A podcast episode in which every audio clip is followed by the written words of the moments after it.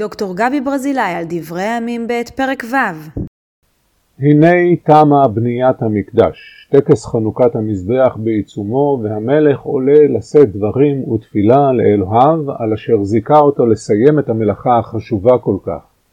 שהרי בעיני מחבר ספר דברי הימים, בניית המקדש היא שיאה של מלכות דוד ושלמה כאחד. ואף על פי שיש מזבח, ומעלים עליו קורבנות, תפילת המלך לא עוסקת בכל אלו. במקום זה הוא מתאר את מקדש אלוהים כבית תפילה. תפילה אישית, תפילה ציבורית, תפילות מקרוב ומרחוק. גם שבויים בארץ רחוקה יכוונו את ליבם אל המקדש בירושלים ותפילותיהם יעלו אל האלוהים דרך הבית הזה. ואחרי כל זה, עוד מוסיף שלמה ומדגיש שלא רק בני ישראל התפללו אל האלוהים באמצעות המקדש, אלא גם הנוכרים, בני עמים אחרים, אשר ינהו אחרי אלוהי ישראל ויבקשו להצטרף אל עמו. אי אפשר שלא לשמוע כאן את דבריו של הנביא המנחם עלום השם, שנבואותיו מופיעות בפרקים המאוחרים של ספר ישעיהו. ובני הנכר הנלווים אל אדוני לשרתו ולאהבה את שם אדוני להיות לו לעבדים כל שומר שבת מחללו ומחזיקים בבריתי.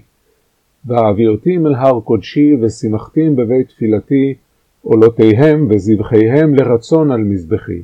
כי ביתי בית תפילה יקרא לכל העמים.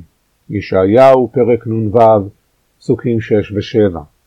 הפולמוס העמוק שהתחולל בימי הבית השני בין אסכולת עם לבדד ישכון לבין אסכולת אור לגויים מתגלה גם בתפילת שלמה. אנשי זרע הקודש שגרשו את הנשים הנוכריות והרחיקו את השומרונים מעל בני ישראל לא ייצגו את כל העם ששב מגלות בבל. מולם עמדו נביאים וחכמים שסיפרו מחדש את הסיפור על רות המואבייה והדגישו את האוניברסליות של אלוהי ישראל. ויכוח יסודי זה שניהלו כבר ישעיהו בן אמוץ ומיכה המורשתי בימי חזקיהו מלך יהודה, כפי שניתן לראות בהשוואה בין ישעיהו י"א לבין מיכה ד', לא נס לכו עד היום הזה. וכיוון שזוהי מחלוקת עקרונית, מחלוקת לשם שמיים, היא תמשיך ותתקיים לעולם.